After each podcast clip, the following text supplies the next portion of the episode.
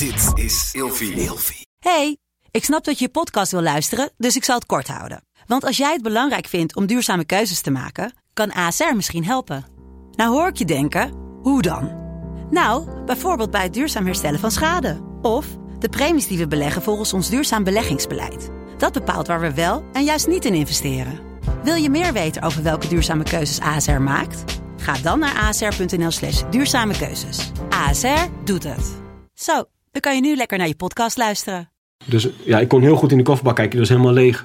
Hand op mijn vuurwapen, kijk in de rechterkant. Nou, ik zie geen bijzonderheden. Ik sluit bij Dimitri aan aan de andere kant. En ik geef eigenlijk direct aan Dimitri, dit is, dit is bewust, dit is een aanslag. En uh, waarop hij me aankijkt en zegt van ja, weet je, dit is een aanslag. En waarom hadden we dat gevoel? Omdat we ook wisten hoe het daar eruit zag. En het was al honderden meters van tevoren afgesloten. Een auto had nooit in één rechte streep kunnen rijden als hij onwel was geworden. Mm, dus dit moet gewoon bewust gebeurd zijn. Zeker omdat er een veiligheidsring was.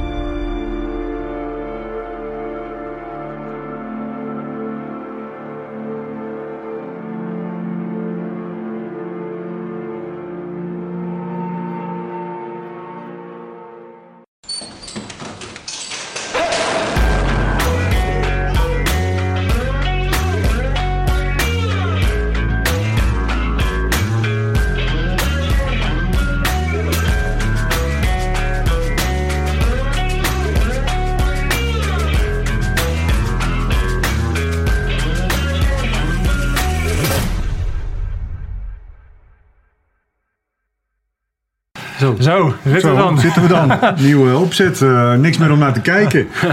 nou, we hebben, de, de klanten, of de klanten, de, de, de, luisteraars thuis, die zien het natuurlijk niet. Maar we hebben een wat andere setup, iets uh, gezelliger, iets dichterbij. En uh, de camera's staan op een andere plek. Dus wij zitten even een beetje ongemakkelijk, maar daar ja. merkt niemand wat van. Dus, ja.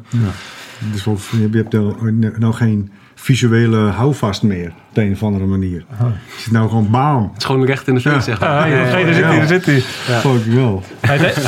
Ronaldo, tof dat je bent, man. Ja, het is leuk om te doen. Ja, echt, uh, echt tof om even kennis te maken. We hebben al contact gehad over Instagram. En ik vind het heel erg uh, dapper en, en, stoer dat je hier uh, bent. En daar gaan we het ook over hebben. Dapper mm. en stoer en in, in uniform, uniform vandaag. Mm.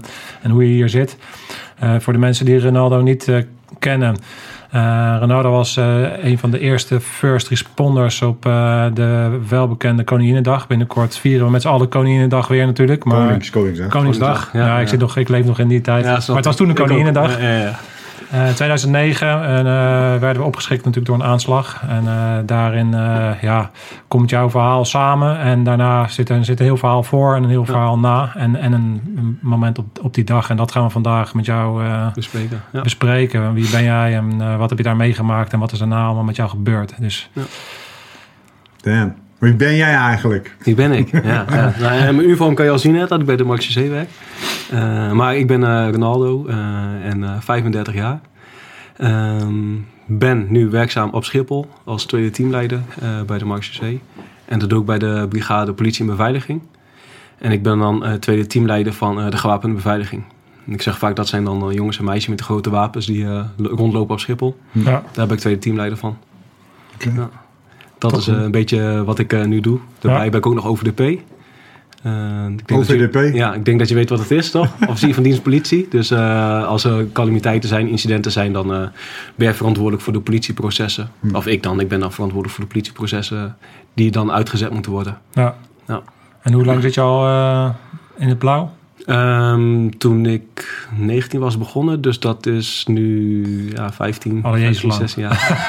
een tijdje al, een tijdje al. Ja, ja, ja. ja, het is dat je geen haar meer hebt, anders was het nee. inmiddels een beetje grijs okay. aan te worden. Of niet? Ja. Dan kan je niet rekenen hebben. Nee, oh, jezus, ja, heel, heel, veel. Ja, nou, leuk dat je over mijn haar begint ook. Maar, dat is het meest kritische punt waar je over kan beginnen. Maar nee, dat, ja, precies. Er zijn meer mensen die uh, daar alles over hebben. Pin verwijderd en, uh, en bedankt. ja. ja. Ja, je bent lekker op vakantie geweest, of niet? Uh... Nou, het was geen vakantie, het was voor het werk. Oh, je bent voor het... Oh, ja, ja. Dat, je, je vertelde ja. dat je in Afrika was geweest. Ja, klopt. Ik was uh, voor uh, een, ja, een evenement... Of nou, geen evenement, een traject vanuit de Europese Unie. Ja. EUPCST heet dat. Um, ben ik in Ghana geweest. Tweeënhalf weken training gegeven daar. Okay. Aan de politie. Ja, hartstikke leuk om te doen. Dus de vierde keer al. Ja, Drie keer Ghana, één keer Gambia. Dus... Heel leuk uh, om dat als een neventaak te hebben. Ja, ja absoluut. Gek, ja. ja. Nou, daarom zie je er goed uit. Ja, kleurtjes een beetje. Ik wilde, daar wilde ik ook een na, hè? Kleurtje een beetje. Toch een eh, beetje ijdel. Ja, ja, ja, een klein beetje, klein beetje.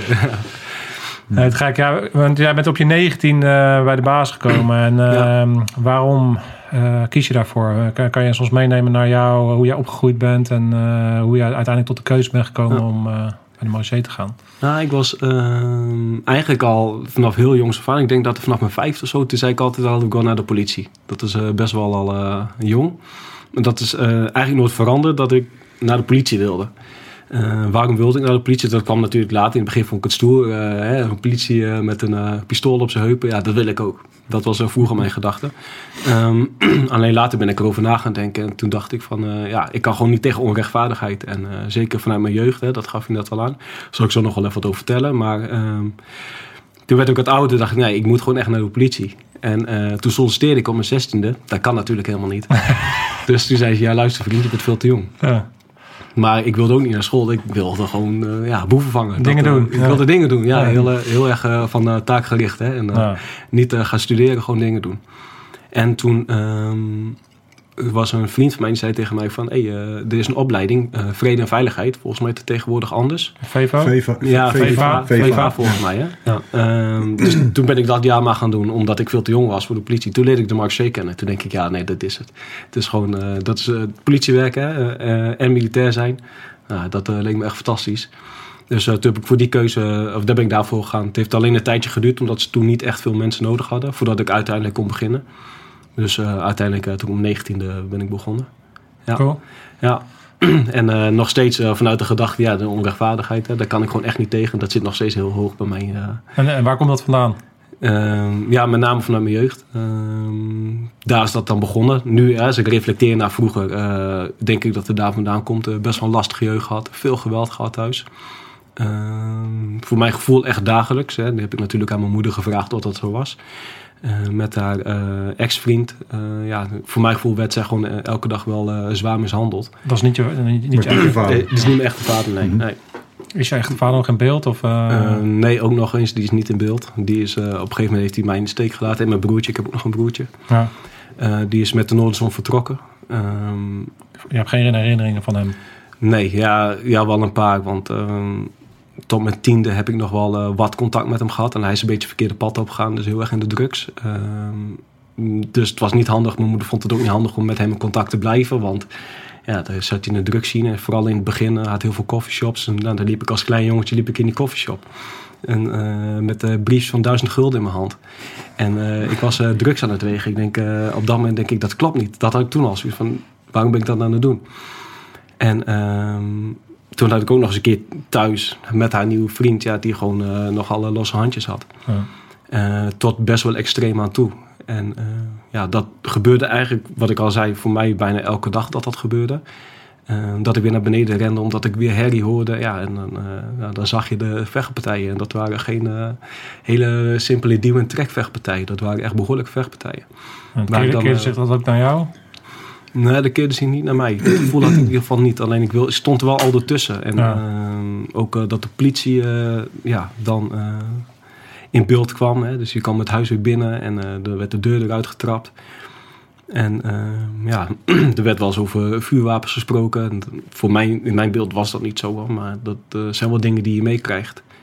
En nou, dat gebeurde best wel vaak. En dat klopte voor mij gewoon niet. Ik snapte niet dat dat kon, dat het kon gebeuren. Nee. Wat ik al zei, ik heb haar moeder gevraagd of het ook echt zo was, dat het elke dag zo was. Nou, ze zegt dat is niet zo. Het was niet zo dat het elke dag was, het was gewoon heel vaak. Ja. Alleen voor mij heb ik alleen dat onthouden. En de leuke periodes heb ik gewoon niet onthouden. Ik stond voor mij zelf altijd aan. Als ik er nu ook op terugkijk, denk ik van ja, ik sliep gewoon elke dag met mijn ogen open. Want ik kan me nog heel goed herinneren dat ik in bed lag.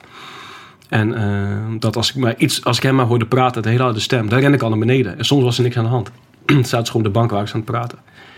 En dan ging ik weer naar boven. En dat gebeurde op een gegeven moment bijna elke dag. Eh, dus ik sliep altijd met mijn ogen open. Dat gevoel had ik heel erg. Ik stond altijd aan. was altijd bezig. Oké, als er weer wat gebeurt, moet ik weer naar beneden. En ik moet ervoor zorgen dat mijn broertje het niet ziet. Want eh, ik heb wel eens aan mijn broertje gevraagd. Die heeft voor zijn gevoel een andere waarheid dan ik. Ja. Ja. Ik zag altijd het eh, extreem, extreme geweld. Niet zoals we het nu kennen, maar eh, gewoon de- het extreem fysieke geweld. En ja, hij kent dat niet zoals ik het ken. Want als hij naar beneden kwam, dan duwde duwde ik de deur dicht. Zei ik, op de boven wegwezen, eh, je hoeft hier niet bij te zijn. Merk, Dus je- merk, je dat het- lastig is voor jullie om daar over die tijd te praten, omdat jullie zo'n ander beeld van, eh, van die tijd hebben? Ehm, ik denk het wel. Ik praat er ook niet met hem over. Ik denk dat het goed is. Hij wil er ook niet over praten. Ik heb Ja. het wel eens een keer geprobeerd. Maar ik merk al aan zijn non-verbale reactie en ook aan zijn woorden. Hij is behoorlijk sterk in zijn woorden. Ja.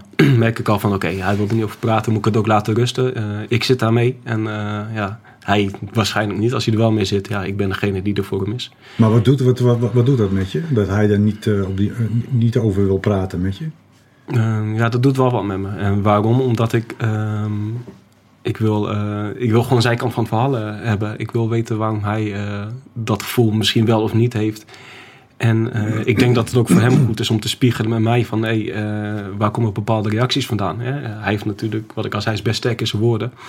Eh, dus dat betekent dat hij dat ook naar andere mensen doet. En stel je voor dat hij dat dan ook naar zijn vriendin doet. Hè, dan, ik hoop dat hij dan erachter komt van... Hey, dat komt misschien ergens vandaan. Ja. Maar ik ga hem niet pushen, want ik wil de relatie tussen mij en mijn broertje gewoon goed houden. En ik wil niet dat we een conflict gaan krijgen om iets wat ik graag met hem wil bespreken. Als het voor hem goed is, is het voor hem goed. Uiteindelijk zal hij dat zelf moeten...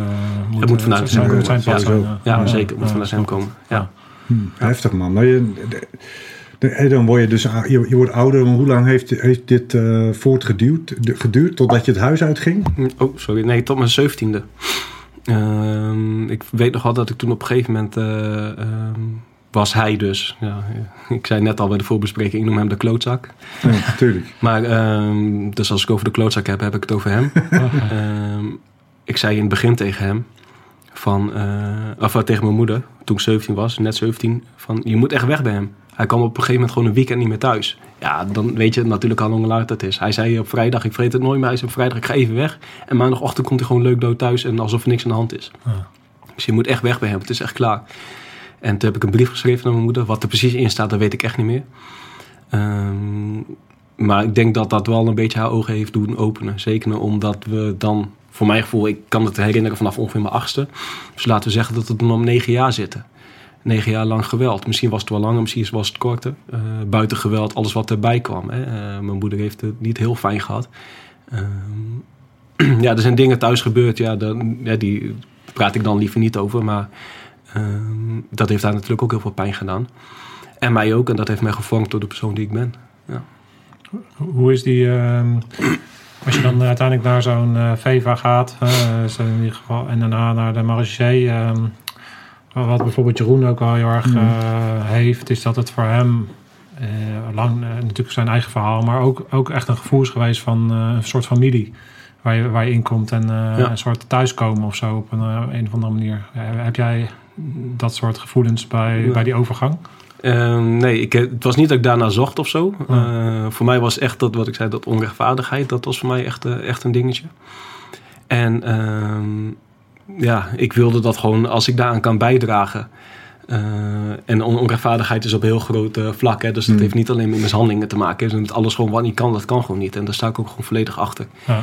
En eh, als ik daar mijn steentje aan bij kan dragen, zowel nationaal als internationaal, dan wil ik dat heel graag doen. En dat doe ik ook graag. Ja.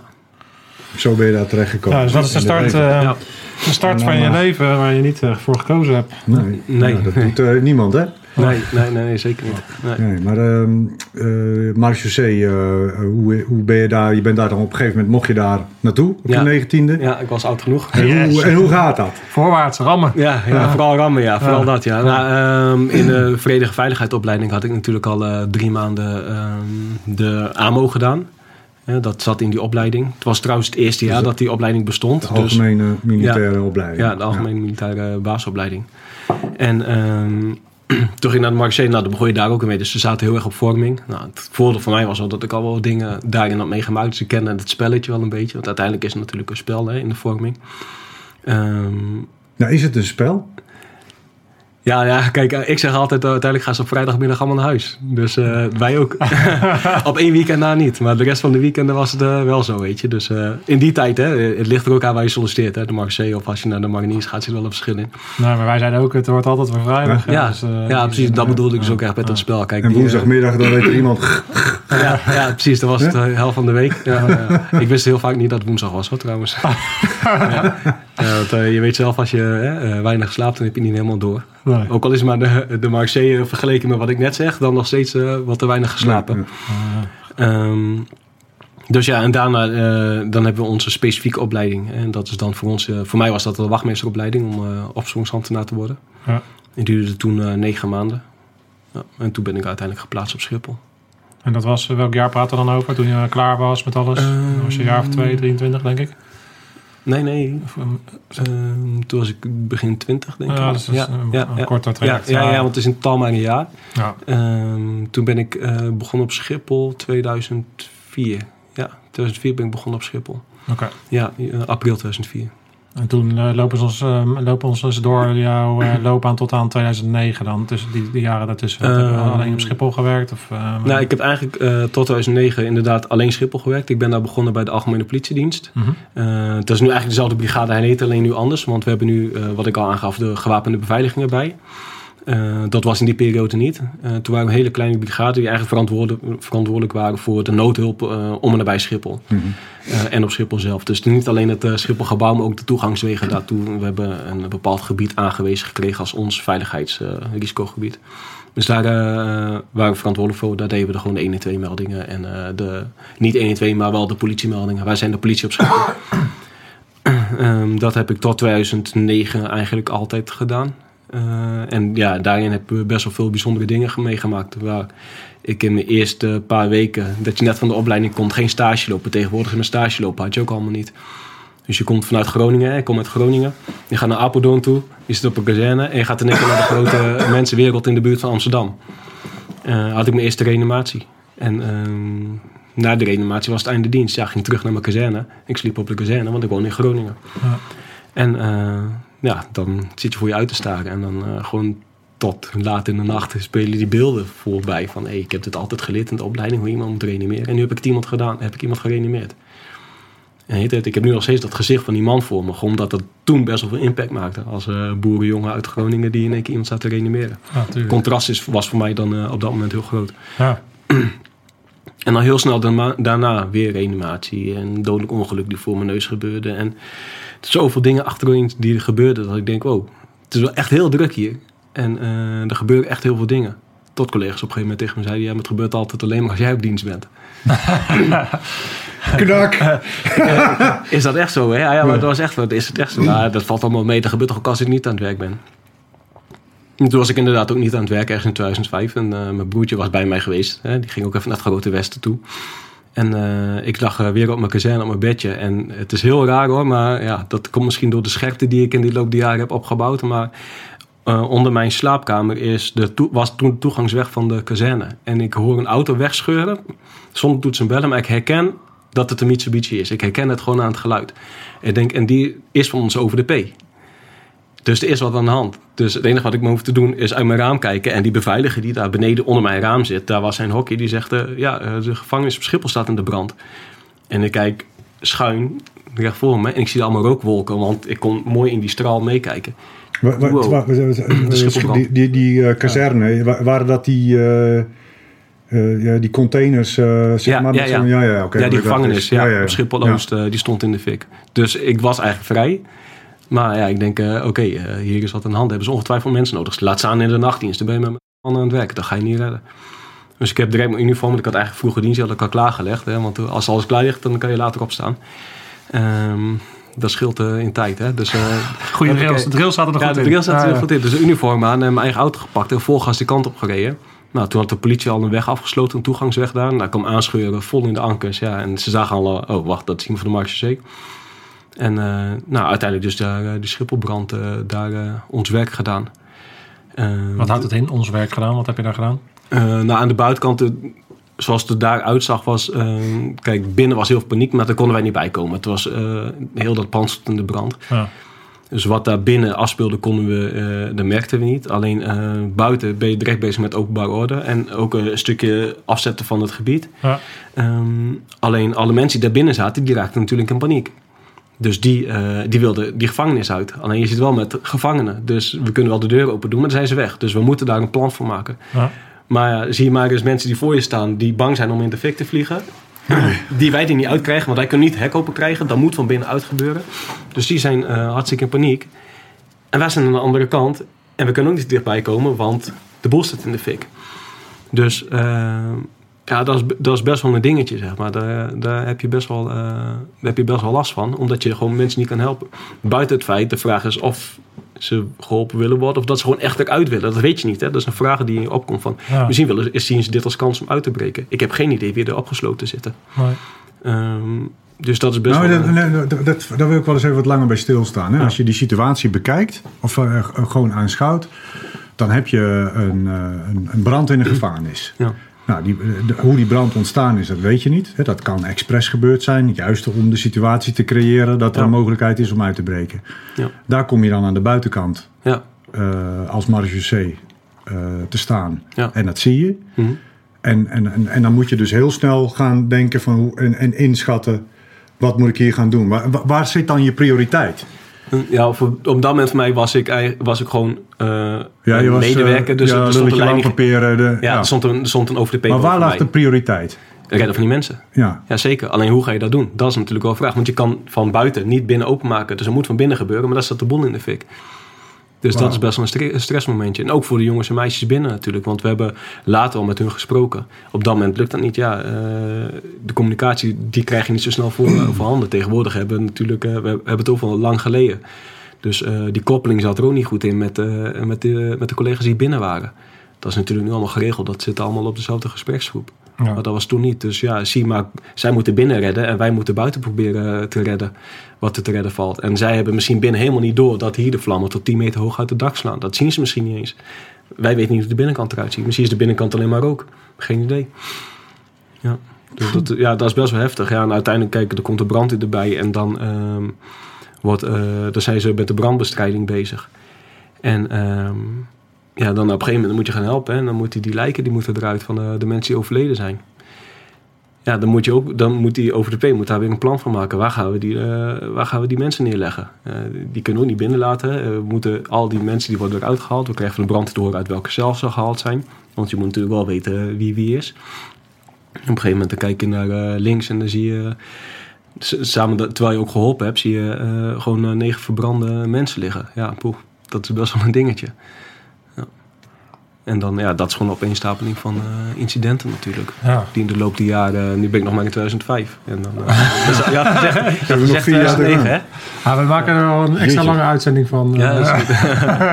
we slaan wel een paar jaar over. De paar jaar dat ik bij IBT zat, slaan we over. Nee. Ja, dus, dus je ziet, ja, je komt gewoon regelmatig in, in, in die dingen terecht. En had je toen het gevoel dat je daar al mee bezig was na, na bijvoorbeeld deze casus? Was je, had je daarna dan, hoe, hoe debriefde jullie zoiets en hoe gingen jullie daarmee om? In die we zijn, tijd. we zijn daarna met z'n allen wel bij elkaar gekomen. Ehm, en ik weet even niet meer wanneer dat was, welke dag dat was, dat weet ik niet meer. Ja. Ehm, maar toen hebben we het wel even kort geëvalueerd.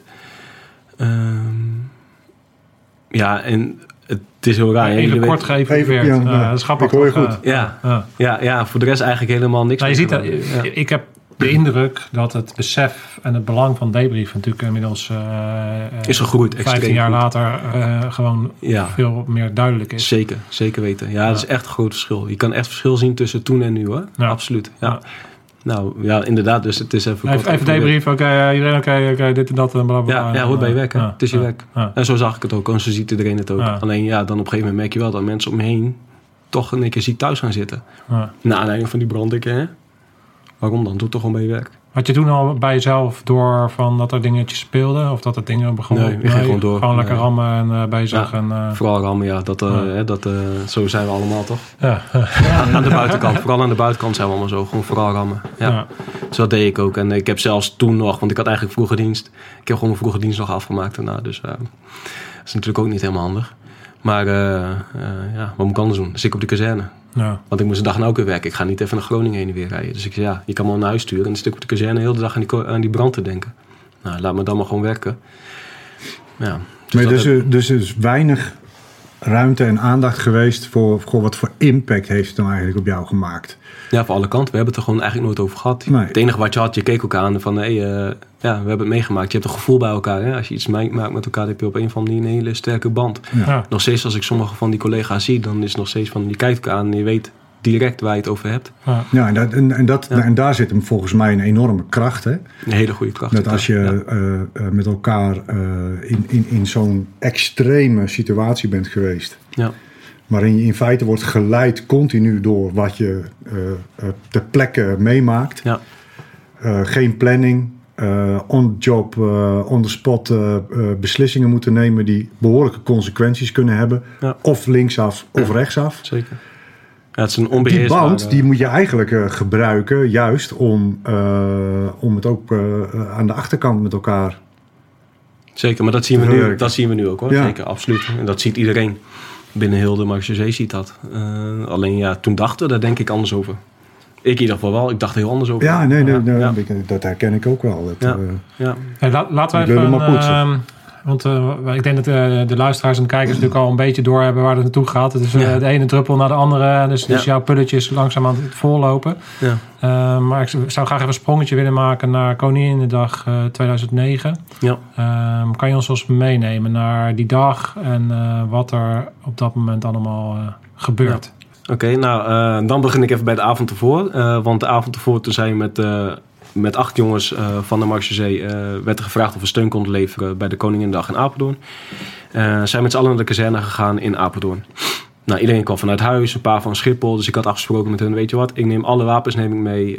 portofoons, alles. Dan hoeven jullie niet eerst naar Schiphol te gaan en dan regelen we dat daar.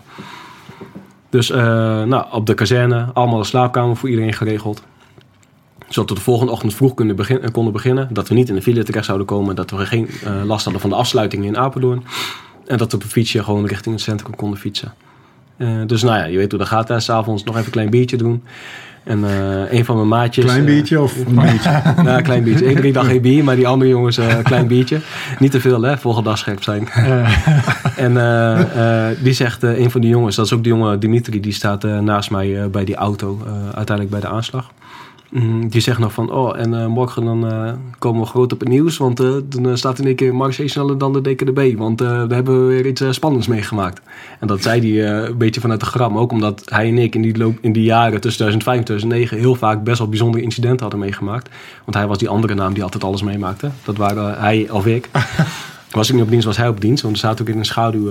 of andersom. Had ik vroeger, had hij laat, weet je. Dus zagen elkaar op het werk vrij weinig. eh, maar in de aflossing wel. Ja, Dus- want ik, ik wil wel even, kijk, mensen zijn nu in de huidige tijd, we hebben IS gehad en eh, inmiddels eh, zijn natuurlijk aanslagen in, eh, meer in de buurt gekomen hè, de laatste jaren. En ik denk dat, dat we wel even moeten beseffen dat dit elf jaar geleden is en dat, Ja. dat toen in Nederland waren we natuurlijk best wel nog naïef, zeg maar. Maar we dat gebeurt, mee weet je. Dus, dus de, de mindset daar was natuurlijk anders dan tegenwoordig. eh, Ja, zeker. Heel ja. anders. Ja. En eh, ik denk ook dat daar heel veel veranderd, dat, dat heel veel veranderd heeft. Hè, zeker 2009.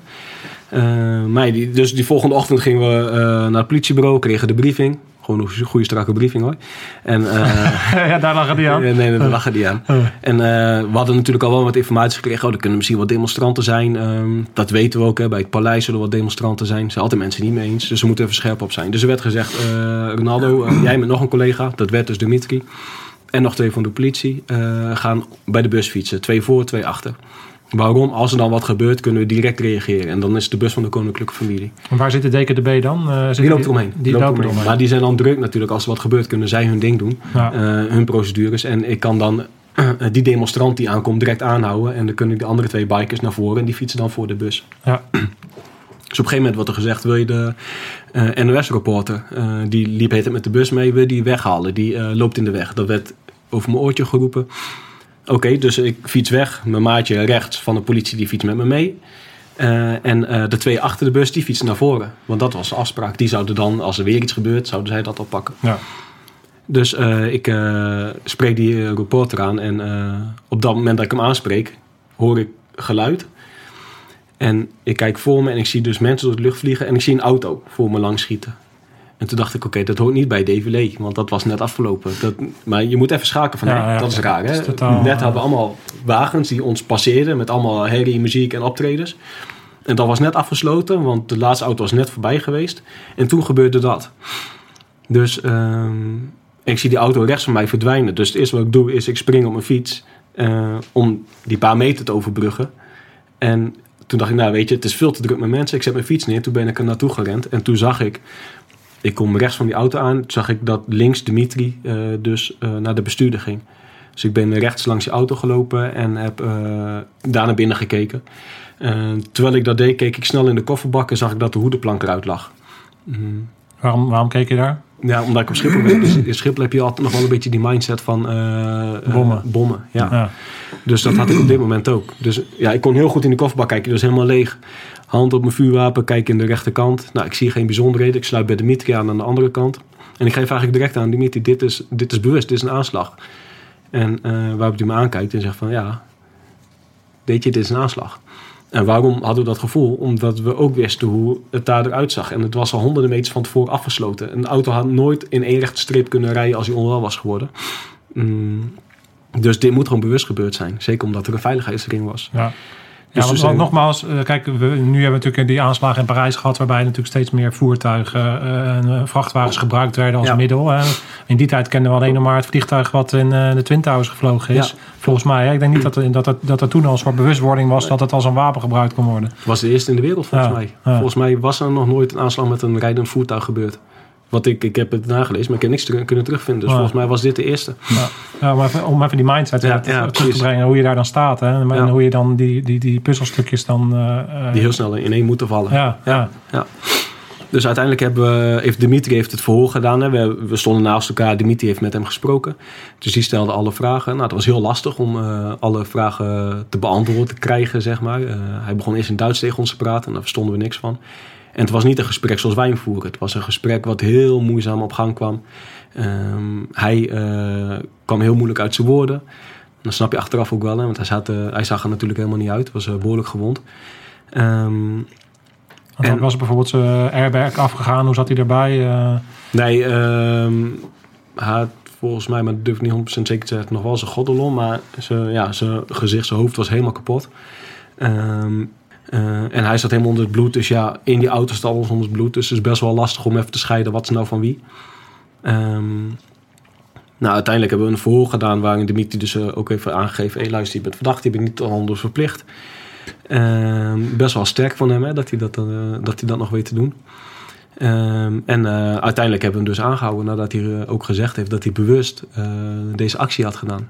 Eh, ne- Neem ons eens mee in je hoofd, hè, want het, het, is, het is chaos. Ja. Er is een aanslag gepleegd. Er zijn, eh, die- je, je, eh, eh, je hebt het vermogen om, om de, de zaak heen te kijken van zijn er bommen, is er iets verdachts aanwezig voordat je bij, bij je collega aansluit. Ja. Dan zie je dat die auto onder de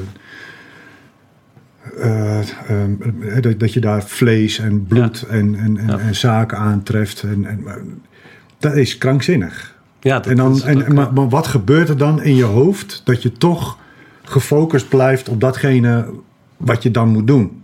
eh, ja, ik denk... eh, Praat je, pra- praat je met elkaar, praat je hardop tegen jezelf, eh, geef je jezelf een schop onder je kont. eh, ik denk Wat gebeurt er? Het is gewoon training. Ik denk dat het training is en de ervaring. Hè? En ja, sommige mensen zijn minder goed in stress. En ik denk dat ik voor mezelf best wel sterk ben in stress. Dus ik word alleen maar scherper ervan. Eh, over het algemeen worden mensen best wel scherp hè, eh, van stress. Maar ehm, je gaat gewoon dingen van elkaar scheiden. Oké, dit vind ik niet belangrijk, dit vind ik wel belangrijk. Wat moet ik doen? Je bent gewoon een stappenplan in je hoofd aan het doorlopen. En eh, waarbij je dus twee afwegingen maakt. Het ene is van dit is wel belangrijk en het andere is van dit is niet belangrijk. ja, want je cognitief vermogen neemt natuurlijk een stuk af. Ja, zeker. Want eh, dit, als je adrenaline omhoog gaat, eh, dan moet je ook wel terugvallen op inderdaad training of bepaalde Ja. drills of bepaalde dingen die je al vaker gedaan hebt. Want Precies. anders... eh, en simpele ja. keuzes maken. Ja, zeker. Ja, en dat is daar ook uiteindelijk gebeurd. En ehm, het klinkt natuurlijk heel raar. We hebben natuurlijk wel dat eh, gevoel van... oké, eh, het is een aanslag en bommen en we staan hier... en we weten helemaal niet of het veilig is. Hè. Misschien gaan we zelf eraan, misschien zit er wel een bom in. Hij op een gegeven moment liet zijn hand ook vallen, zijn rechterhand. Toen zei ik direct, hey, hand pakken. En Dimitri kon nog net zijn hand pakken... want we weten niet wat rechts naast hem is. Misschien is daar Ja. een ontstekingsknop, dat weten we niet. Ja, ja. Dus die hand weer gepakt. Ehm, en die hand vastgehouden, zodat hij niks met zijn handen kon doen. Die zijn natuurlijk voor ons heel gevaarlijk. Ehm, Heb je het gevoel dat je dan in je bubbel zit? Hoe is het met geluid? Kun je daar nog over teruggaan? Want, eh, ja, ik hoorde alleen maar toetsenbellen. Ja, Echt alleen maar toetsenbellen. En natuurlijk wat hij zei. We waren heel erg aan het focussen op wat hij zei. ja. Maar zoveel toetsenbellen, dat is niet normaal. Dat hoorde ik een dag later nog, zat het in mijn hoofd. Dat, gaat er ook, dat ging er gewoon even niet uit. Dat is heel bizar. Ja, en de informatie dat het een bewuste eh, daad geweest is, is natuurlijk heel belangrijk voor het hele proces daaromheen. Zeker, ja, zeker. Eh, voor het hele onderzoek, ook wat daarna gaat komen, natuurlijk super belangrijk dat we dat eh, eruit hebben kunnen halen. Want ja, hij is natuurlijk daarna overleden. Dus dan weet je ook niet meer wat zijn beweegredenen zijn geweest. En nu weten we dat misschien ook niet tot in detail.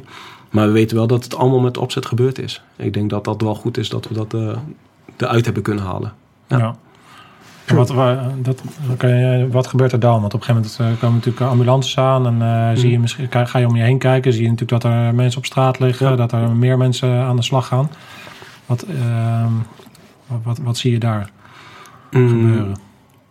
Nou, ja, je ziet al die mensen en je ziet ook gewoon eh, je collega's, je ziet iedereen helpen, alle slachtoffers zie je helpen. Je ziet dat andere collega's mensen aan het wegsturen zijn, die dus eigenlijk niet direct betrokken zijn bij die aanslag. Ehm, dus je wordt op afstand gehouden, dus je ziet dus dat, ik steeds meer dat we steeds meer ruimte gaan krijgen. Eigenlijk wordt er gewoon een veilige ruimte voor ons gemaakt. Ehm, en op het moment dat je dat ziet, denk je: oké, die jongens en meisjes die zijn, die zijn hartstikke goed in hun werk, die doen hun dingen daar. Laten wij ons focussen op wat we hier aan het doen zijn. En we krijgen echt wel steun. Check. En we kregen ook steun, want er kwamen op een gegeven moment politieagenten bij ons staan. eh, om te kijken: oké, kunnen we je ergens mee helpen? Ja, het belangrijkste is: eh, die vent moet eruit, want we willen ook even die auto doorzoeken. Ja, er, komt een, eh, er kwam iemand aan van de explosieve verkenning. Ja, die auto moet gewoon doorzocht worden. We moeten gewoon weten of we, of we hier wel veilig staan. Dat gaat nog steeds door je hoofd heen natuurlijk. Want we weten nog steeds niet wat in die auto zit. Dus ehm, ja, daar hebben Dimitri en ik eh, hebben dat een paar keer erover gehad. En wij wilden graag die ambulance te plaatsen hebben voor hem. Ja, maar de prioriteit lag bij die slachtoffers. Ja. Er wordt gewoon prioriteit eh, gemaakt. En oké, we gaan als laatste naar hem toe. Ehm, de brandweer, eh, die moest komen. Hij moest eruit geknipt worden. Dus dat hebben we ook nog gedaan. Hè. Dus ik heb een tijdje zijn hoofd vastgehouden. En ehm, toen heeft de brandweer, die heeft eh, ja, hier naast mij die portierstel eh, kapot geknipt. En dus als ik zijn hoofd nog vast, eruit gehaald. En toen konden we echt een goed onderzoek doen in die auto. Ja. En gelukkig achteraf was er niks. Maar het heeft de hele tijd wel in ons hoofd gespeeld. Van, eh, er kan nog wel wat gebeuren.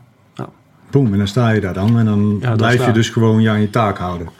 Ja, ja, in de ja. wetenschap dat je niet zeker weet of het een veilige plek is. Ja, en waarom? Ik denk, eh, als je, zeker was dit nieuw voor ons, hè, dit, dit kennen we niet, wat je net aangaf, eh, elf jaar geleden.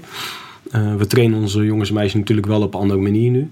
Eh, ik denk alleen wel, was die auto daar alleen geweest en was er voor de rest helemaal niemand in de buurt geweest, dan hadden we denk ik afstand gehouden. Denk ik, hè? dat weet ik niet. Ja. Het is natuurlijk aan de situatie, omdat je uitgaat van die bommen. Want dan wil je zelf er niet naast staan als, je als, die, als die bom afgaat. De vraag is alleen, eh, eh, zou je dat doen? Hè? Dat durf ik nu niet te zeggen of ik dat wel of niet zou doen. Het is echt van de situatie afhankelijk. Want voor het onderzoek is het achteraf natuurlijk ook heel belangrijk geweest dat jullie op dat moment toch eh, de communicatie hebben opgezocht en dat er Ja. nog dingen gezegd zijn. Omdat Zeker. het eh, toch, eh, denk ik, een aantal dingen eh vergemakkelijkt heeft. eh, omdat Ja. hij natuurlijk overleden is op een later moment. Ja, ja zeker. Ik denk dat er hele belangrijke puzzelstukjes zijn geweest. Ja. Ja, zeker omdat we ook heel snel eh, zijn rijbewijs gevonden hadden eh, in de dashboardkastje.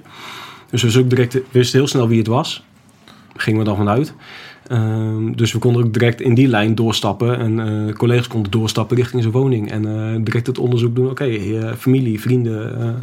is hij echt de enige? Het zijn dingen Ja. die je natuurlijk moet Ja, uitsluiten. en, het- ja, en de informatie dat het dus een bewuste daad geweest is, is belangrijk. Ja, zeker. Ook voor de voortgang van de hele dag. Hè? Ja. Afgezien van het feit dat het een vreselijk ongeluk was. Ja. Hè, als het een ongeluk was. Voor de veiligheid van, van een koninklijke familie is dat natuurlijk van belang. Ja. En, en het onderzoek eh, zit meteen in de juiste richting. Ja, precies. En ik denk dat we daar dat we aan gedaan hebben met z'n allen. Want op dat moment heb je eh, nog geen enkel besef natuurlijk wat een enorme maatschappelijke impact dat Ja. heeft. En hoe mensen thuis, want iedereen zit daar natuurlijk naar te kijken. Ik, Ja. ik zat zelf ook te kijken. Weet je, dus, er zijn- dus- dus op dat moment ben je natuurlijk zo met je eh, ding bezig. Heb je een, nog een besef, of kan je je nog herinneren wanneer voor jou het besef kwam hoe heftig het eigenlijk was? Is dat veel later pas of, op, of schiet het wel door je hoofd heen? Nou, kijk, we zaten natuurlijk weer hè, zo lang geleden. We kennen nog geen smartphones. Dus we hadden nog eh, zo'n Nokia maar van die knopjes. En eh, als je nieuws wilde openen, moest je echt wel naar een computer gaan om in te loggen. Hè, dus eh, dat duurde natuurlijk best wel lang. Ehm, toen het incident geweest was en ehm, eigenlijk was de situatie nog wel bevroren, maar konden wij weg, zijn we afzonderlijk van elkaar hebben verhoren of hebben een verslag op papier moeten zetten. Ehm, en daarna zijn we, hebben we even snel gegeten. Daarna zijn we teruggegaan naar de kazerne. Alle wapens weer ingeladen en in de auto gaan zitten. En toen hoorden we het op het nieuws. En dat was voor het eerst dat we dachten, hé, hey, wacht even. Het is inderdaad landelijk op het nieuws. Ehm, maar voor de rest nog helemaal niet bij stilgestaan. Toen keek ik op mijn telefoon en ik vergeet ik had 121 sms'jes. Hè, toen zaten we nog in de sms-tijd. En ergens in de 40 eh, gemiste oproepen. En als je dan terugleest, dan zie je dan mensen van, hey, ik zie op tv. Weet je, dat is dan een sms'je. En eh, dan zie je ook dat diegene vlak daarvoor gebeld heeft. Oké, dus jij wil even met me bellen terwijl ik op tv ben. maar het is grappig hoe mensen erop reageren. Ja, bizar. Ehm, de volgende ochtend had ik vroege dienst. Dus ik was, denk uur terug eh, op het werk, op Schiphol. Om de wapens in, eh, in de kluis te leggen. En ehm, toen zagen we de collega's van de nachtdienst. Die kwamen net toevallig het bureau uitlopen. om te gaan aflossen. En die gingen een keer bij onze bus staan in een rij. En die begonnen allemaal te applaudisseren toen wij uitstapten. Toen dachten we, hè? Waarom doen ze dat? We snapten het niet helemaal waarom ze dat deden. En toen keek ik ook aan, volgens mij hebben we echt wel iets heftigs meegemaakt, of niet? Omdat het beseffen gewoon niet is. Die adrenaline moet nog dalen. Eh, je zit nog zo erg in je, in je focus. Ja. Dat duurt best nog wel lang. Nou, ik ben naar bed gegaan de volgende ochtend naar het werk. En eh, mijn toen groepscommandant zegt tegen me... Hey Ronaldo, open nu.nl even op de computer. Want eh, hij zat tegenover mij. Want eh er is een foto van jou op nu.nl. Dus ik eh, open nu.nl en ik zie... Hey, een foto van mij, verhaaltje lezen. Oh, dat ging over gisteren. En ja, vanaf toen dacht ik, oké, dit is toch wel, heeft toch wel een impact gemaakt. Toen ben ik een rondje gaan lopen op Schiphol. Toen heb ik even gekeken naar alle kranten. En op elke krant stond wel op de voorpagina. Uit alle landen. Ja, want je hebt natuurlijk op Schiphol een internationale krant. Toen dacht ik, oh, wacht even. Het is toch echt wel een, best wel een impact geweest. Ja. En dat heb je helemaal niet door. Zeker als je ook nog eens een keer hoort later... dat mijn broertje dus ook voor de tv zat... en keer zijn eigen broer op tv live ziet handelen. En dat hij mijn moeder belt. En mijn moeder zegt, maar dat kan helemaal niet... want hij werkt op Schiphol. Ja. Hij heeft helemaal niet verteld dat hij in Apeldoorn aan het werken is. Nee, want ik praat nooit over mijn werk, weet je. Dus ik vertel ook niet dat ik eh, ergens anders aan het werk ben. Maar ik was in Apeldoorn aan het werk. En ja, je eigen zoon of je broer... die is op dit moment bezig met zijn mindset nog. Dat weten ze niet, maar in, wel in een mindset van... hé, hey, eh, ik ben met de aanslag bezig... waarvan we nog niet zeker weten of het veilig is. Eh, ja, dat, dat doet je wel wat. Dan denk je, oh shit, hey, mijn broertje die zit daar gewoon live mee te kijken. Dat heb je helemaal niet door. Maar ik ben niet het enige slag. Het enige slachtoffer, ik bedoel even als ik naar mezelf kijk. Ja. Die iets heeft meegemaakt. Nee, je broertje, je moeder. Laat zijn voor al die mensen die allemaal dat op tv zien. Al die collega's ook, die allemaal mensen, vrienden, familie, eh, allemaal in paniek hebben. Thuis, die proberen ze te bereiken. Ja. eh, wat ook niet lukt. En die willen gewoon weten van, hé, hey, wat is met mijn zoon, met mijn dochter, met mijn vriend, met mijn man aan de hand. Dat is best wel heftig hoor. Ja. Dus dat, eh, dat, daar heb ik toen ook wel even een slikmomentje van gehad. Ja. Ja, dat eh, thuis ook nog heel veel speelt. Maar dan heb je een slikmomentje voor anderen. Voor anderen. Voor anderen. Dus dat anderen daar Ja, eh, stress van hebben gehad. ja, ja, ja zeker. Maar geen slikmomentje voor jezelf. Op dat moment niet, nee. nee. Nee. Veel later wel. Ja, ja, ja. En, eh, ehm, hè, in de loop der jaren natuurlijk best wel veel eh, dingen meegemaakt. Een maand daarvoor de Turkish Airlines. Dus allemaal best wel grote incidenten die het nieuws bereikt hebben. En heel veel collega's in het land, uh, politie, brandweer, ambulance, maken allemaal best wel heftige incidenten mee. Ehm, en met mijn jeugd erbij natuurlijk. eh, toen uiteindelijk ben ik naar IBT gegaan en daar hebben we een stressbaan gedaan. En in die stressbaan kregen we op een gegeven moment... eh, ja, ik, ik noem het altijd, om het heel simpel uit te leggen... een soort van verdrinkingsdood werd daarna gebootst. Ehm, ja, en toen kwam het toch echt wel uit. Het. Waterboarding. Ja. Je krijgt een zak over je hoofd en die zak die wordt eh, nat gemaakt. En af en toe even Brandslang klontje erop. erbij. Ja, ja. Brandslang erop. ja en dan Ademen is heel lastig. is gewoon niet te doen. Nee. Eh, tenzij jij eh, weet hoe het moet. Maar an- anders, is, anders is het eigenlijk niet te doen. En wat daar gebeurde, ik reageerde gewoon op een bepaalde manier. Dat ik gewoon doorging met vechten in plaats van dat ik die zak van mijn kop aftrok. Eh, terwijl de meeste mensen zeggen, hey, eh, als je een zak, je kan niet ademen, trek de zak van je kop af. En ik deed dat niet, ik ging gewoon door. En eh, ja, toen zei een van die mensen van het team die ons begeleiden, die al drie weken lang om ons heen liepen, die zei van, nou, het baart me echt zorgen dat jij dat doet. Hoezo doe je dat? Waarom trek je die zak van je kop af? Ja, dat betekent dus waarschijnlijk dat ik zo goed ben in stress reguleren, of dat ik mijn angsten kan uitschakelen, tot best wel heel diep. Ze hebben best veel gesprekken over gehad. En uiteindelijk zei, eh, zei ze tegen mij van... ja, we hebben je de afgelopen week ook al geobserveerd. Op het moment dat de stress bij jou omhoog gaat... en je merkt het nu af en toe ook nog aan mijn gezicht... dan krijg ik teken uit dat heel erg in mijn gezicht. Allemaal gekke bekken trekken noem ik het altijd. Je, kijkt, heel- je kijkt heel vrolijk, juist. Ja, maar ik, af en toe dan ga ik met mijn neus... dan gaat mijn neus gaat een beetje heen en weer... en dan gaat mijn kop weer heen en weer. Ik Ah. probeer het echt... ik ben echt heel druk bezig natuurlijk om het tegen te houden. Ja, ja, ja. Maar sommige mensen die, eh, die, die me beter kennen... die zien soms een stuiterbal als hoofd. Ja. Ehm, dus dat hadden ze al gezien. En ze zagen precies wanneer dat gebeurde bij mij. Dat heb ik zelf helemaal niet door. Dus hadden ze gezegd van... eh, dat klopt niet helemaal. Er, is iets met jou. En eh, ja, je, moet, je kan niet even zomaar zeggen dat je PTSS hebt. Dat is niet iemand die dat zomaar tegen gaat zeggen. Alleen uiteindelijk uit alle onderzoeken en alle testen... En is toch echt wel gebleken dat ik PTSS heb. En ehm, dat heeft best wel eh, impact gehad, zeg maar, op mij. Omdat in de jaren daarvoor werd er best wel vaak tegen mij gezegd... nou, je bent echt aan het veranderen. En toen zei ik altijd, je moet je bek houden, ik ben niet aan het veranderen. Ik ben gewoon mezelf. En, eh, Maar ja, mensen kennen me natuurlijk van bijvoorbeeld tien jaar daarvoor en nu. Of vijf jaar daarvoor en nu. Want zat je, je zat in een relatie volgens mij, hè? Toen, Ja, eh, ja. En uiteindelijk... eh, Ja, dat is ook toen beëindigd. Ik liep al bij een psycholoog en ze wist het niet, omdat ik het gewoon niet durfde te zeggen. Ja. En ik zat gewoon heel erg met mezelf in de knoei. Want ja, als je eenmaal daaraan toegeeft, als je het eenmaal herkent en erkent ook dat je PTSS hebt, ja, dan ga je gewoon, dan val je in een gat. Dat is niet normaal. Dat is zo diep. En, ehm, Maar meneer, v- vertel eens dan, want kijk, eh, je, je, praat, je zit hier en je Ja. praat erover en je, je, je praat natuurlijk heel veel over. Ja. Eh, heb je ook net verteld. Dat is natuurlijk een hele andere ander beeld van eh, hoe je toen was. ja, klopt Eh, ja. Dus, dat- dus daar zit een heel groot, eh, ehm, een hele grote ontwikkeling in. Ja, En, klopt. die, en dat is ook denk ik belangrijk, omdat dat ook omarmt waarom je hier zit. Omdat Ja. je natuurlijk, eh, ja, je ziet dan dat er, dat er eigenlijk een soort van een, eh, een beerput open gaat natuurlijk op het moment dat je er, eh, herkent en erkent. Ja. Ja, kan je ons meenemen naar dat moment dat het verteld wordt en Ja. dat, je, dat, dat je die beer- beerput begint open te trekken en dat je daarin in een gat valt. Wat, wat gebeurt er dan met je? Ehm, nou, er komt eigenlijk alles terug vanuit vroeger. Dus vanuit mijn jeugd komt alles terug. Hè? Al dat geweld en ehm, ook alle incidenten die je meemaakt. Ehm, je merkt gewoon dat... eh, ik zei op een gegeven moment tegen de psycholoog... ja, ik denk ongeveer 40 keer per dag aan Koninginnedag. Ja, wat denk je dan aan? Ja, heel die situatie en dat het gewoon heel erg op me afkomt. Maar ze zeggen, dat is toch niet normaal? Ik sowieso niet, dat is toch normaal? Ik denk er gewoon aan, dat is toch logisch, ik heb dat toch meegemaakt. Ja, maar toch niet 40 keer per dag? En je wordt zwetend wakker en soms lig je dan op bed... en dan ben je alleen maar daarmee bezig. Zeker naarmate 30 april gaat worden ben je er steeds meer mee bezig, lig je, lig je in één keer janken in bed. Denk je, waar komt dat nou vandaan? Hoe kan dat nou? Durfde niet meer naar huis te gaan. En dat heeft dan een beetje ook weer met vroeger te maken natuurlijk. Hè. Eh, vroeger is Noord voor mij echt een veilige haven geweest.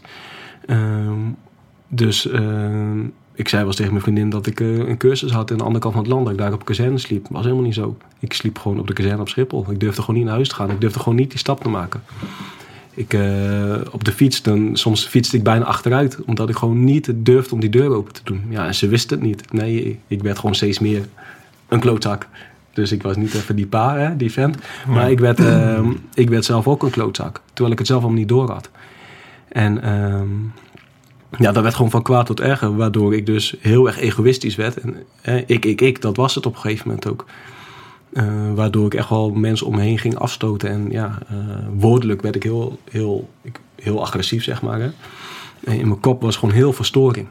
Ehm, heel veel dingen van vroeger kwamen boven. En ik snapte gewoon heel veel dingen niet meer. En eh, ik probeer het altijd naar andere mensen op een simpele manier uit te leggen. Van oké, eh, als ik gebroken been heb, dan ziet men dat ik niet kan lopen. Maar ik heb gebroken been, maar zit in mijn hoofd.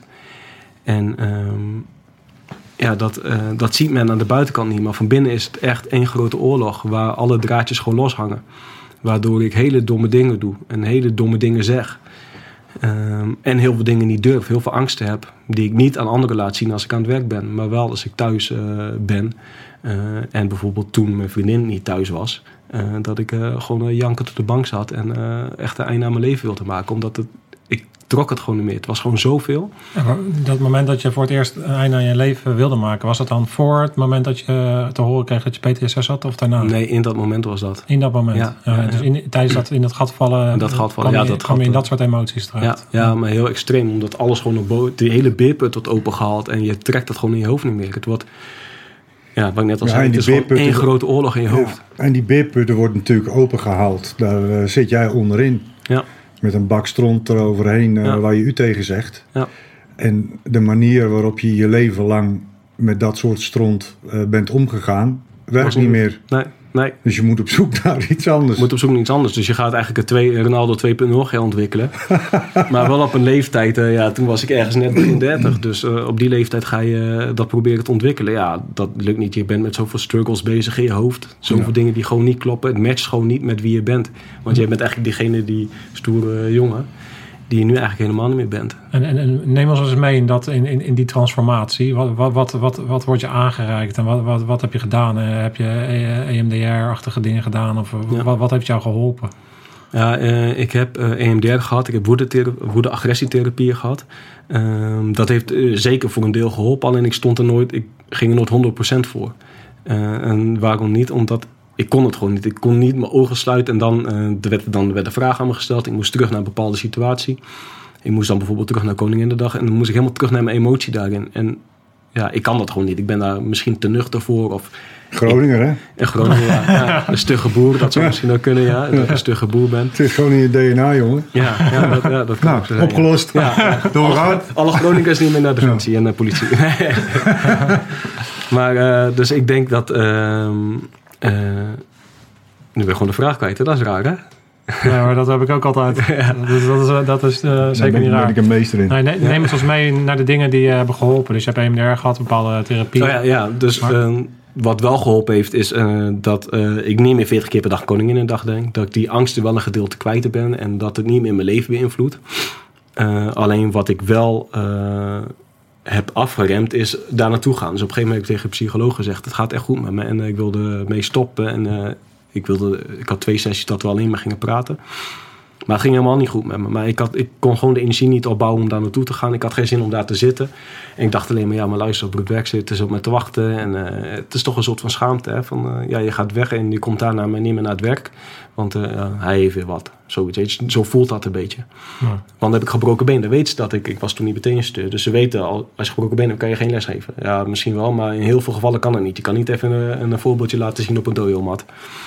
Eh dat gaat nogal lastig. Dus, ehm, maar ik ging weg.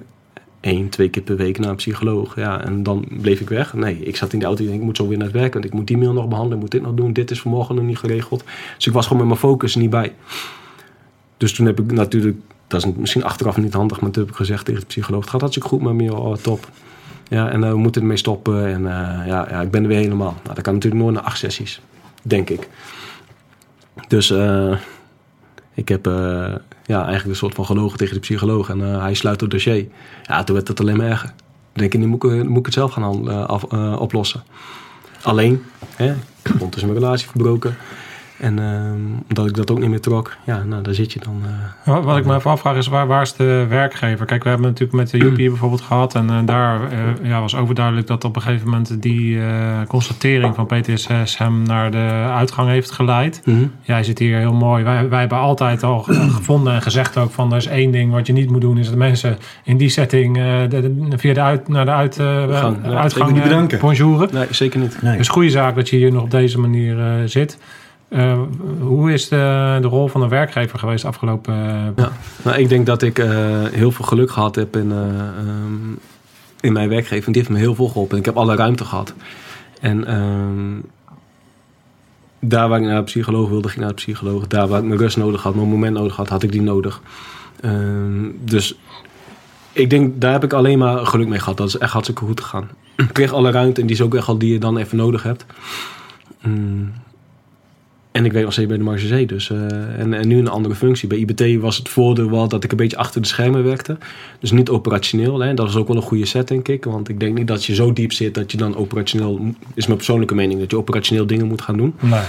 Ehm, maar toen ik op een gegeven moment daar wel eh, eh, uit het diepste gat was... en ik denk, oké, dit gaat wel redelijk stabiel. Toen zag ik voor mezelf wel weer de kans om verder te gaan... en weer operationeel te gaan werken. Eh, en daar word ik tot de dag van vandaag nog steeds in gesteund. Want mijn teamleider die weet het en die heeft het eh, ook heel veel met mij over. Ja. Eh, Nou, ik denk dat als je operationeel een, een dingetje waarom dat natuurlijk geen goed plan is, is omdat dat we, is dat je soms gewoon dingen doet die je van jezelf niet helemaal door hebt. Hè? Dus dat je ineens heel agressief kan worden of ja, je moet wel op jezelf kunnen vertrouwen als het ware Precies. en anderen moeten op jou kunnen vooral vertrouwen. anderen die moeten ook op mij kunnen vertrouwen. Dus en zeker in de rol die ik nu heb. Ja. Dus, dus je hebt nu wel weer het gevoel dat je, dat je dusdanig niveau zit dat je operationeel jezelf eh, vertrouwt. Ja, zeker, zeker. En ik ben al een paar keer eh, getest op mijn stress eh, als over de P inzet. Ja. Dus ehm, ja, dus ik heb voor mezelf ook even de spiegel voor gehad. Hey, weet je, het, het zit nu wel weer goed. En dat betekent niet dat ik af en toe mijn downdagen nog heb. Of mijn downweken. We hadden het er net even over. En ik heb al een paar slechte weken gehad. Waar dat vandaan komt, dat weet ik niet. Het zou best kunnen dat ik me dan hierop focus of zo. Ehm, Ja, is het spannend voor je om, om eh, hier te zitten en om, om hierover te praten op deze Na manier? over praten is niet zo spannend meer, omdat ik heel veel het verhaal gedaan heb. Alleen ja, misschien ben je er in je hoofd wel heel erg mee bezig. Oké, Ja. eh, je wilt wel eh, een goed verhaal wegzetten. Goed verhaal, ja, het is een persoonlijk verhaal, maar je wil geen domme dingen zeggen, zeg maar. Dus misschien dat je daarmee bezig bent of zo. Ja. Nou, dat is dan niet gelukt. Nee, nee, het, het is gewoon eh, alleen maar uh, Even een stap terug, hè, want je hebt uh, de psycholoog uh, een beetje bewerkt, zeg maar. En die sluit een dossier. Mm -hmm. en, maar dat was nog niet klaar voor je. Nee. Wat, in welke tijd hebben we het dan? En, en, en wat heb je, uh, hoe, hoe heb je dat dan voor jezelf voortgezet? Nou, om, om, om wel uit, uit die bakstroom te komen? Uh, mijn toen teamleider bij IBT, dat is een collega die uh, heeft ook behoorlijk wat meegemaakt in zijn leven. Uh, dus hij was echt een hele goede spanningspartner voor mij. Ik kon met hem heel goed levelen. Um, en hij hielp me echt door heel veel dingen heen. Uh, buiten hem had ik nog een paar mensen om me heen. Ook uh, vanuit de IBT. Die toen met die verdrinkingsdood nabootsen. Ehm, die, waar ik gewoon goed contact mee heb. Um, en ik merkte gewoon dat het praten en het levelen op hetzelfde niveau, dat dat voor mij heel erg hielp. Ja, en dat is exact de, de, reden waarom het zo belangrijk is dat, Ja. dat je nog in dat pak zit. Ja. Want op het moment dat je dus mensen naar de uitgang bonjourt, Ben je die kwijt? en met alle goede bedoelingen, je hebt natuurlijk ook eh, in de burgermaatschappij heb je natuurlijk buddies en die hebben al het goede met jou voor, maar die zullen nooit op dat niveau kunnen levelen, omdat ze niet diezelfde dingen hebben Ja, meegemaakt. precies. En dus je hebt, je hebt gewoon keihard eh, je, je buddies eh, bij de baas nodig. Ja, die erg. begrijpen waar je vandaan komt en waar, waar je mee, mee speelt en eh, Ja. waar, welke wereld je inleeft. Ja. En dat is ook eh, wat ik daar heel erg merkte. En op een gegeven moment dan, eh, het is heel grap, grappig tussen aanhalingstekens, maar er komen allemaal mensen op je pad. Hè. Ik had op een gegeven moment de oefening in Wezen en daar liep de kolonel en ehm, die vroeg wat aan mij. En in dat antwoord zat dat ik Koninginnedag had meegemaakt. Hij zegt, sta op en loop mee. En, eh, hij is de oefenleider, hij is de baas van die oefening. En tegemoet een internationale oefening met heel veel landen. En ik heb 2,5 uur met hem gesproken. 2,5 uur is best lang voor, een, eh, voor de kolonel. Die heel zijn agenda vrijmaakt. Die de hele tijd gebeld wordt. Van, hé luister, ehm, je moet nu daar en daar komen. Nee, ik heb belangrijke zaken, zegt hij. Ik denk, oké, weet je. eh, hij heeft me zo erg geholpen toen in, in dat begin. Door even de klankborden. Ehm, mijn andere teamleider dus waar ik over had met IBT. Die, eh, ik merkte gewoon dat dat levelen dat het mij heel erg hielp. Eh, zeker in de dingen die ik dan kon doen. De wegen die ik kon bewandelen. Maar ook eh, van hé, ik heb mensen om me heen die hetzelfde hebben meegemaakt. In dezelfde Ja. spanningsvelden. Ja. Ehm, en ik denk dat dat nog steeds voor mij heel erg helpt. Want ik praat er heel veel over met collega's. Hè, zeker omdat ik vorig jaar dan op tv geweest ben. En ik het daar ook hierover gehad heb. Dat collega's mij in één keer weten te vinden. En in één keer bij mij op kantoor komen, de deur dicht doen en zeggen... Ronaldo, ik moet even met je praten. Ja, want dan, weet je wat ook wel grappig is, wat er dan gebeurt, is door al je ervaringen die je meeneemt en jouw proces en alles wat je daarin hebt geleerd, al andere mensen die meer aan het be- begin van een proces staan, daar kan jij weer van waarde zijn voor hun. En dat geeft jou ook weer een goed gevoel, omdat je dan ook het idee hebt van ja, dit dit is ergens allemaal goed voor geweest. Ja. En ik kan andere mensen weer helpen. Dat geeft ook een bepaalde, Zeker. Ja, dan, dan, dan Ja, zit dat is gewoon, dat, is gewoon top. key. Ja, dat is gewoon super belangrijk. Want dan, dan voel je inderdaad die, die herkenning en erkenning Ja, zeg ik ook altijd. kom je elke keer weer op terug. Hè? Dus die erkenning van, van het feit eh, dat je dat overkomen is en, en, en hoe je ermee om bent gegaan. En vervolgens ook eh, kan levelen met, eh, met de mensen die dan bij jou komen. Ja. Dat is gewoon cruciaal in je, in je hele proces om dit te boven te komen. Zeker. En dat denk ik ook. En dat is ook uiteindelijk wat we met de hele groep mensen hebben bij elkaar getrommeld. Ehm, van alle niveaus. eh oude commandant van de Marche Zee. ehm, onze wapenadjudant. Nog een aantal mensen met eh, eh, ervaringen, zeg maar. Bij elkaar getrommeld, één dag bij elkaar. En we hebben uiteindelijk een platform Blue Support opgericht. En dat is dan voor de collega's. om op dat niveau met elkaar te levelen. We zijn geen zorgverleners of zo. We zijn gewoon die collega waar je mee kan sparren. Je kan je buddy vinden in die club. Ja. En ehm, ja, dat, dat slaat gewoon hartstikke goed aan. En eh, ik zal ook nooit zeggen wat iemand wel of niet moet doen. Alleen op het moment dat iemand naar me toe komt en die gaat bepaalde dingen roepen, dan hebben we al afspraken gemaakt met onze bedrijfsarts. Dat we dan wel even de officiële lijn gaan behandelen. En dat doen we ook. Maar het gaat om even om dat moment van dat iemand met zichzelf in de knoei zit. Naar zo'n bijeenkomst komt die we af en toe hebben. En dan kan levelen met iemand. Die gaat daar zijn buddy vinden. En dat wordt dus zijn buddy voor altijd misschien wel. Ja. Die altijd even mee kan levelen. Ja, en dat mag er zijn. En die mag er zijn, ja. ja. Ja. Hey, eh, wat, wat, wat ehm, zou jij, zeg maar, first responders eh, eh, mee willen geven?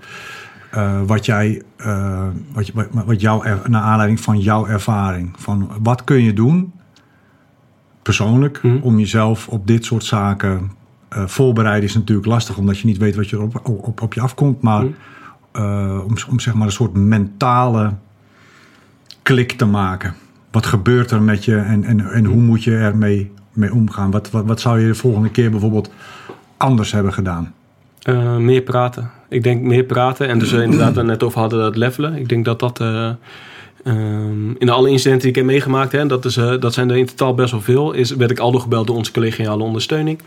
En ehm, die zei dan van, eh, nou, eh, die stelde een aantal vragen. Zei ik, nee, maar ik hoef geen vervolggesprek. Het is goed zo. Altijd weer die stoere jongen, ik hoef geen vervolggesprek. En dat zei ik elke keer. En op een gegeven moment belde hij me op en dan zegt hij van, ja, ik heb weer piket en jij bent er weer van. Je hebt weer wat meegemaakt. En op een gegeven moment had ik altijd dezelfde Ja, collega, ja. ondersteuning collega aan de telefoon. Hij zei, ik weet je antwoord al, maar ik ga het je toch vragen. Weet je, op, op een gegeven moment gaat het op die manier.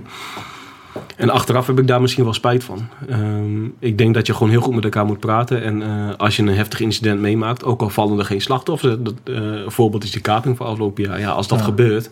ehm, er zijn Ja. geen slachtoffers, maar je zit hier maximaal in je stress met z'n allen. Ja. Hey, dan moet toch gewoon met elkaar over in eh, gesprek gaan. In een gesprek blijven. Want je hebt daar gewoon dingen gedaan. Nou, daar kan je last van hebben. Ja, dus ik denk dat de, de boodschap die ik daaruit haal is... er is helemaal niks stoers aan om niet te hoeven praten. Nee. Het, het maakt je niet sterker als je zegt van ik, heb, eh, ik hoef er niet over te praten. Dat is natuurlijk wel als je jonger bent, heb je vaak Ja. het idee van dat het zwak is om, eh, om je gevoelens te uiten of ergens over te praten. Ja. Maar wij zijn inmiddels wel van mening dat er juist een, eh, enorme kracht is als je in staat bent om, om eh, te praten over dingen en te levelen op dingen. En Zeker. dat het je niet minder stoer maakt of eh, Nee, helemaal niet. minder mannetje. Nee, het is juist goed. Soft skills voor tough guys. Ja, ja. Zeker. Maar dat is ook zo. Want eh, ja, privé eh, zien ze ook in één keer dat je verandert. Dan ga je scheiden en ruzie maken en zo. Waarom? Waar is dat voor nodig? En, en, en, en in de organisatie, wat is er in de organisatie veranderd? Hè? Want ik hoor jou zeggen van oké, er is eh, iemand die belt mij dan en die zegt van nou ik weet je antwoord wel, maar ik ga je toch vragen. En die is dan, eh, eh, naar aanleiding van de antwoorden waarvan hij weet dat hij ze krijgt, eh, is hij tevreden en dan is het afgedaan. Hm. Eh, zit daar ook niet een stuk winst te halen? Dat je in feite eh, niet zo snel tevreden bent met eh, het antwoord het gaat wel goed met me? Nee, maar ik denk dat in alle lagen daar eh, goed op gelet wordt. Als wij nu een incident maken, meemaken op Schiphol, er is een incident, dan heb je die teamleider die zit heel, moet heel goed in zijn rol zitten, maar ook die groepscommandant en die moet de signalen ontvangen.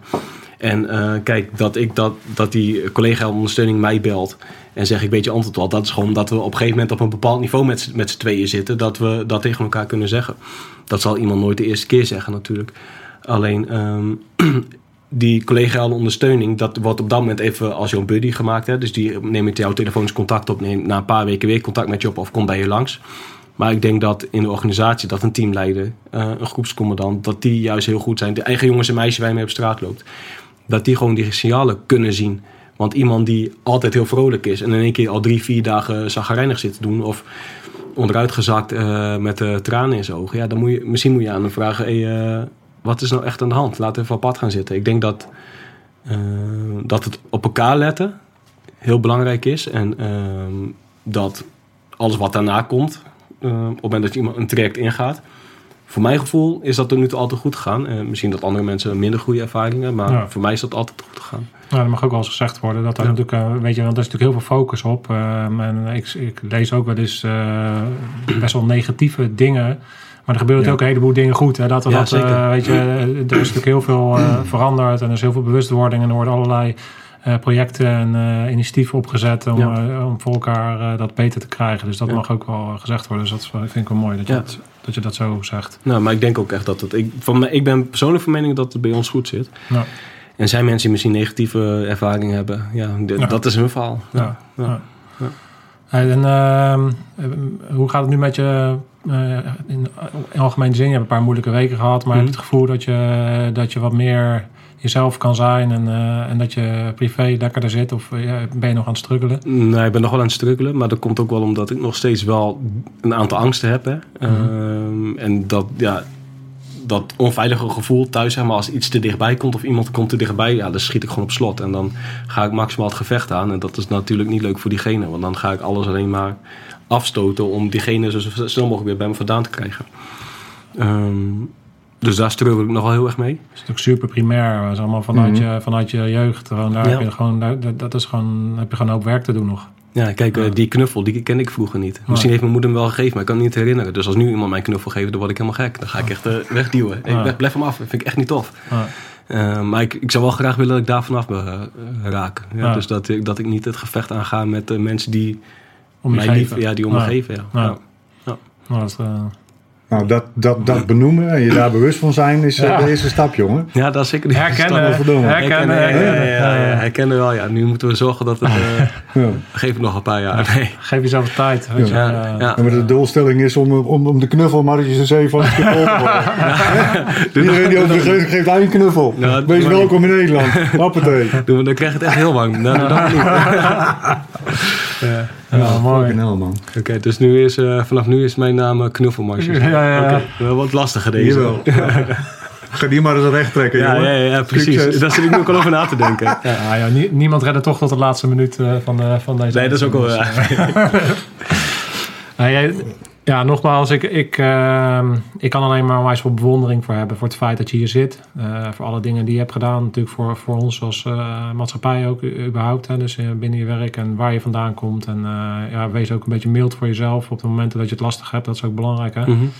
En ehm, ja, ik gun je gewoon dat je dat proces doorkomt en dat je ja, die rust vindt in jezelf en daarin gewoon van waarde kan zijn voor je omgeving wat je al bent en dat alleen maar nog meer kan zijn. Dus Ja. Heel tof Dankjewel. dat je hier bent. Ja. Top, dankjewel. Goed dat je hier was, jongen. Ja. En ik hoop dat jouw verhaal eh, velen eh, bereikt vanuit hetzelfde netwerk. Die misschien eh, eh, voor de beerput staan. Ja. En voordat ze erin flikkeren aan het bel getrokken hebben. Ik hoop het. Ja, Ja. dat hoop ik echt. Ja. En eh, dapper dat je dat eh, bij ons eh, hebt willen delen. Echt, Ja. tof. Top, dankjewel. Hebben wij alles gezegd? Ja, ik eh, denk het wel. We hebben al eh, veel te veel gezegd, misschien wel. Nou, misschien wel, maar dat horen we wel in de commentaren. Oké. Ja, Vroeger stond hier een cameraatje, maar nou, nou is hij daar. eh Ja. Scherpschutters, uit. Uit.